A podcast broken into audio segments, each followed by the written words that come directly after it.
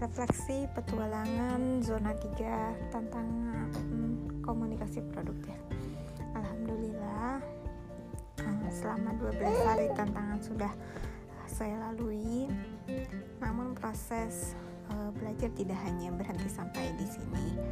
Uh, justru ini adalah awal untuk tetap berproses berbenah diri um, memperbaiki yang sudah lalu dan tetap menciptakan um, tetap berjuang untuk menciptakan komunikasi yang produktif uh, dengan anggota keluarga yang lain, dengan anak-anak, dengan pasangan.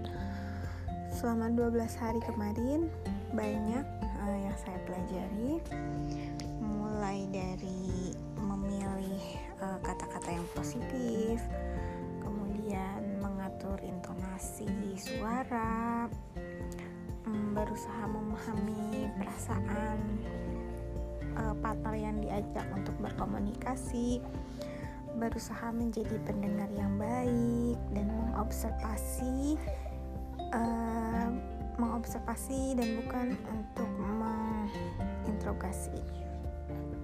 Kemudian yang paling uh, tak kalah penting juga berusaha untuk selalu tetap sabar dalam menghadapi kondisi uh, naik turunnya emosi.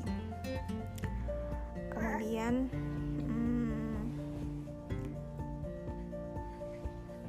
uh, semoga ke depannya hmm, tetap selalu istiqomah dalam menciptakan uh, suasana komunikasi yang produktif dengan anak-anak, dengan suami, karena komunikasi yang produktif ini sangat-sangat penting dalam kehidupan ber uh, keluarga. Uh, dan uh, saya percaya hubungan yang baik uh, dan harmonis itu berawal dari komunikasi kasih sekian uh, jurnal saya hari ini. Assalamualaikum warahmatullahi wabarakatuh